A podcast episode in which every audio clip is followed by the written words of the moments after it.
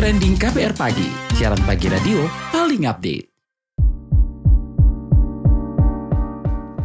Hai, selamat pagi. Apa kabar kalian semuanya di hari Kamis 22 Desember 2022? Kembali lagi Don Brady menemani pagi hari kalian semuanya pastinya. Mudah-mudahan semuanya dalam keadaan baik-baik saja. Dan by the way ya, inget gak sih waktu Kapolri Listio Sigit itu melarang anggota polisi melakukan operasi penindakan atau tilang manual kepada pengendara pelanggar lalu lintas. Gantinya, Listio menginstruksikan anggotanya untuk menerapkan sistem tilang elektronik berbasis Electronic Traffic Law Enforcement atau ETLE terhadap para pengendara yang melanggar aturan lalu lintas. Nah sebelumnya keputusan penghapusan tilang manual diambil setelah Presiden Joko Widodo mengevaluasi kinerja Polri. Jokowi melihat masih banyak praktek pungutan liar di tubuh kepolisian yang membuat kepercayaan masyarakat terhadap Polri menurun. Nah rupanya Korlantas Polri kini mencatat adanya fenomena berkurangnya kepercayaan diri polisi lalu lintas hingga tidak berani turun ke lapangan terkait penertiban usai adanya larangan menilang manual. Ini disampaikan Direktur Penegak Hukum Korlantas Polri Brigjen Pol Aan Suhanan saat melakukan evaluasi kebijakan larangan tilang manual. Kondisi itu menurutnya karena kurangnya pemahaman bahwa penegakan hukum tidak hanya tilang, ada patroli dan gatur. Sementara itu pakar transportasi dari Universitas Indonesia, Profesor Tri Cahyono, mengkritisi keberadaan ETLE yang lingkupnya masih kecil, terbatas dan tidak dapat menangkap pelanggaran secara luas. Nah usai serangkaian evaluasi itu, maka sistem tilang manual pun kembali diberlakukan di DKI Jakarta.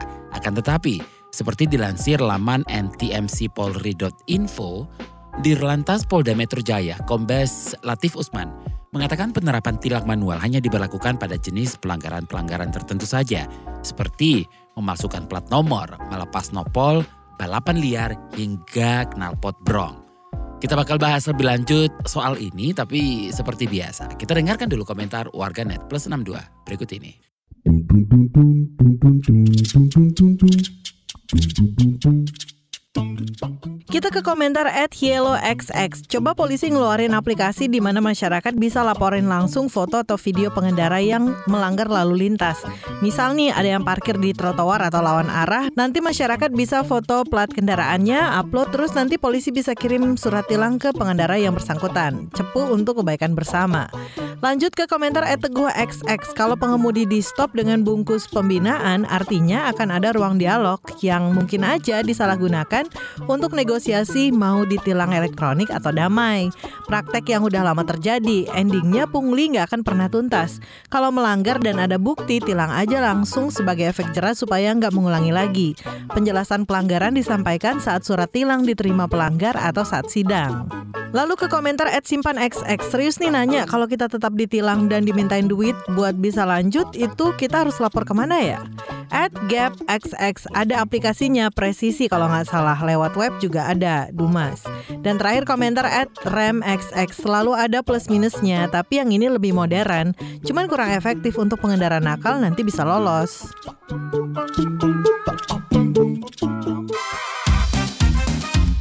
What's Trending KPR Pagi, siaran pagi radio paling update.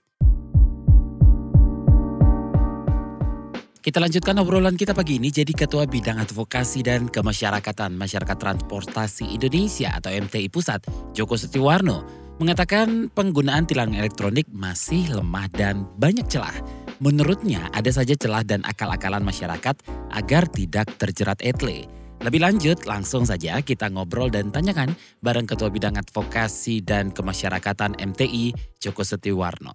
Pak Joko, gimana nih Anda menilai uh, polisi yang katanya jadi kurang percaya diri terkait penertiban lalu lintas karena dilarang menilang secara langsung atau manual? Kalau kemarin-kemarin memang setelah adanya tilang elektronik itu ada pelarangan tilang manual. Namun sekarang dengan berjalannya waktu ternyata banyak penyimpangan dilakukan oleh warga masyarakat. Nah, sehingga ya perlu dilakukan juga dibarengi tilang yang manual. Nah, sekarang sudah dibolehkan adanya tilang manual. Nah, seberapa dibutuhkan tilang uh, manual ini, Pak? Ya, sangat sebagai contoh kalau menemui orang berkendaraan motor, tapi dia tidak menggunakan plat nomor, kalau dia pakai tilang elektronik kan tidak mungkin. Maka setelah sebab itu harus bertilang manual ya. Tidak pakai helm juga susah. Sudah nggak pakai plat nomor, tidak pakai helm kan bingung. Nah makanya pada saat itu tilang manual yang berjalan gitu. Kalau atlet sendiri ada yang perlu dievaluasi nggak sih Pak? Perbaikan atau peningkatannya mungkin? Ya sampai saat ini cukup berjalan maksimal ya. Tapi kan ini juga kalau daerah-daerah yang sinyalnya kurang bagus juga nggak bisa. Makanya sebenarnya kombinasi aja di mana tirangan uh, bisa bisa dilakukan. Tapi kalau diperlukan manual, manual juga masih diizinkan juga seperti sekarang ini. Jadi polisi nggak merasa kurang percaya diri, toh dia juga tahu membedakan mana saatnya tilang manual, mana saatnya tilang elektronik. Sudah ada tindikan panduannya oleh pimpinan di atas. Nah rekomendasinya seperti apa ini Pak Joko? Nah ini kan masih berjalan kalau kombinasi ini ya. Ya kalau yang pilihan itu sudah sudah dievaluasi ternyata tadi banyak masyarakat memanfaatkan tidak memakai plat nomor. Makanya muncul tilang kembali tilang manual. Nah dengan kombinasi ini mungkin nanti setelah berjalan sebulan dua bulan juga ada evaluasi lagi. Nah. Terima kasih Ketua Bidang Advokasi dan Kemasyarakatan MTI Joko Setiowarno. Newsbeat. Komite Kongres Amerika Serikat merekomendasikan pidana terhadap ex-presiden AS Donald Trump terkait peristiwa di gedung Capitol tahun lalu. Panel mendesak Departemen Kehakiman untuk memberikan hukuman pidana terhadap Trump. Trump dituduh menghasut masyarakat untuk pemberontakan, menghalangi proses resmi hingga bersekongkol, menipu pemerintahan Amerika Serikat. Melansir AFP, Komite Kongres juga mengklaim telah mengembangkan bukti-bukti yang signifikan terkait persoalan ini. Perdana Menteri Belanda Mark Rutte meminta maaf secara resmi terkait persoalan perbudakan yang dilakukan negaranya selama hampir 250 tahun. Permintaan maaf ini ditujukan kepada negara-negara di luar negeri Eropa yang mengalami perbudakan, seperti Suriname, Pulau-Pulau Kurakau, Aruba, di Karibia, dan di Indonesia. Saat berpidato di Den Haag, Perdana Menteri Belanda menyebut perbudakan yang dilakukan Belanda di masa lampau sebagai kejahatan kemanusiaan. Rutte mengaku dirinya sebagai pemerintah sekarang hanya bisa mengutuk dan mengakui perbudakan yang terjadi. Jelang peringatan hari jadi ke-10 boyband Korea Selatan BTS, Korea Minting and Security Printing Corporation (Komsko) mempersiapkan medali dan stempel. Boyband yang digawangi oleh RM, Jin, Suga, J-Hope, Jimin, Taehyung, dan Jungkook itu akan merayakan hari jadinya yang ke-10 tahun pada 13 Juli 2023. Medali ini bertuliskan nama grup dan logo BTS. Dikabarkan medali ini akan dibuat tiga versi emas dan satu versi perak untuk dipamerkan kepada para penggemar. Perusahaan perusahaan milik negara Korea Selatan itu juga akan menerbitkan stempel BTS. Stempel ini biasa dikeluarkan untuk tokoh dan peristiwa yang penting atau bermakna bagi negara tersebut.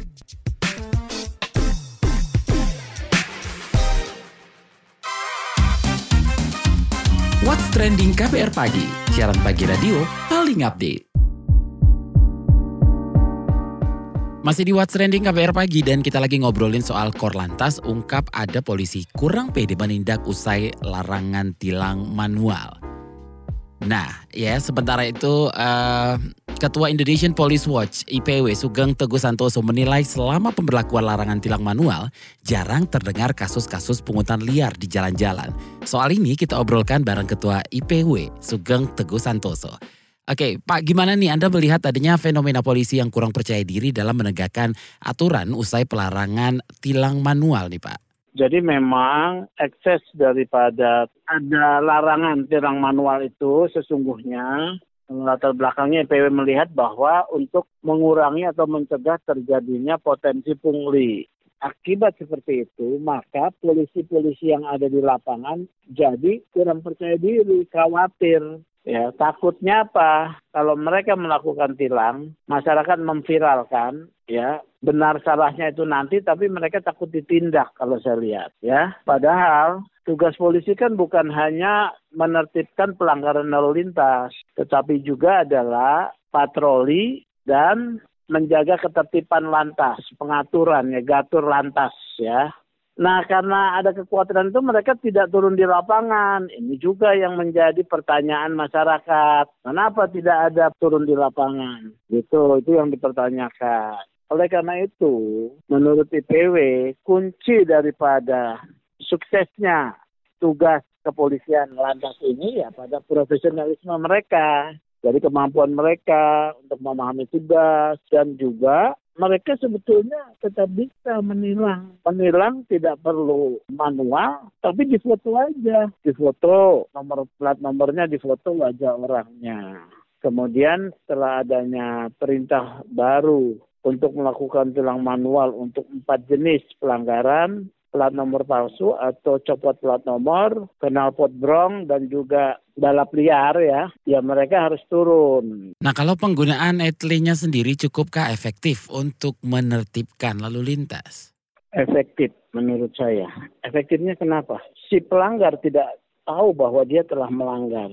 Nanti dia akan tahu setelah dia mendapat pemberitahuan pelanggaran atau pada saat memperpanjang STNK kan kalau tidak terdeteksi ya. Ini efektif. Menurut saya ETL harus tetap dikedepankan dan konsisten gitu. Tinggal memperbaiki. Memperbaiki eh, memperbanyak ETLE ya. Karena juga dengan ETL itu juga mempersempit ruang kejahatan lain. Yang kedua dilengkapi dengan face recognition. ETL-nya dilengkapi dengan face recognition yaitu pengenalan wajah.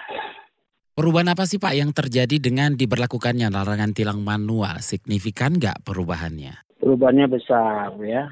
Setidak-tidaknya tidak ada viral di medsos tentang pelanggaran oleh polisi lalu lintas. Setidak-tidaknya itu kita berkurang bahkan mungkin sudah saya belum menemukan lagi adanya diviralkan polisi lalu lintas menerima pungli. Kan tilang uh, manual dibolehkan kembali nih. Apakah ada uh, bedanya? Tilang manual dan tilang elektronik tetap harus dikombinasikan. Tilang manual arahannya sudah jelas, yaitu terkait dengan empat jenis pelanggaran. Plat nomor dicopot, plat nomornya palsu, knalpot brong kalau motor, atau balap liar. Tetapi bisa juga untuk misalnya pelanggaran apa marka jalan yang tidak ada ETLE-nya ya bisa juga dikenakan. Bisa juga dikenakan. Jadi tidak perlu ragu. Yang penting petugas lantasnya itu tidak menyalahgunakan kewenangan ya di dalam bertindak itu tegas dan sopan. Kalau saya melihat petugas lantas kita itu sebetulnya mereka punya determinasi psikologis yang tinggi ya. Artinya walaupun ada kita lihat orang yang ngamuk-ngamuk, bahkan ada yang perempuan mencakar, menyerang, mereka tetap tenang. Nah, kemampuan seperti ini yang harus dikembangkan. Jadi begitu di dalam menghadapi situasi tilang manual yang tidak kondusif. Terima kasih Ketua Indonesian Police Watch atau IPW Teguh Sugeng Teguh Santoso.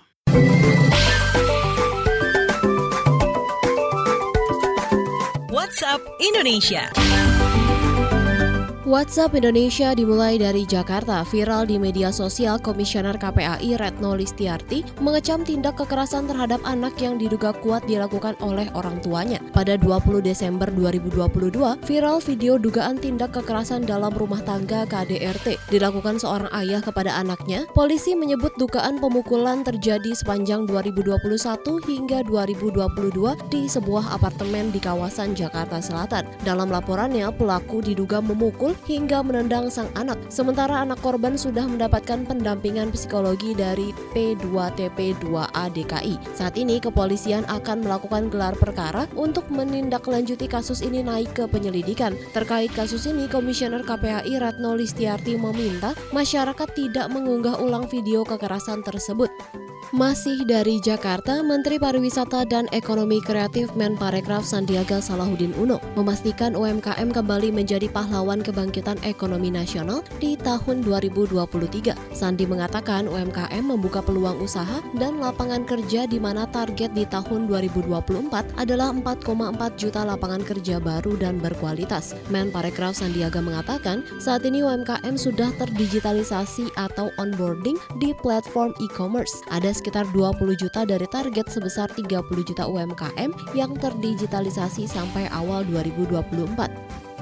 Terakhir ke berita olahraga, Kapolri Listio Sigit Prabowo memastikan ke depannya polisi hanya akan berjaga di luar stadion dalam pengamanan pertandingan sepak bola tanah air. Listio mengatakan aturan ini akan mulai diuji coba saat melakukan pengamanan turnamen Piala AFF 2022. Timnas akan melakoni dua pertandingan kandang di Stadion Gelora Bung Karno Jakarta besok 23 Desember melawan Vietnam dan 29 Desember 2022 menghadapi Thailand. Listio mengatakan aturan ini mengacu pada peraturan kepolisian Perpol yang baru nomor 10 tahun 2022 terkait pengamanan pertandingan sepak bola Indonesia. Listio Sigit Prabowo mengatakan rencananya pengamanan kepolisian di luar stadion akan resmi diterapkan juga di pertandingan Liga 1 pada Januari tahun depan dan harus tertib aturan. Demikian WhatsApp Indonesia hari ini.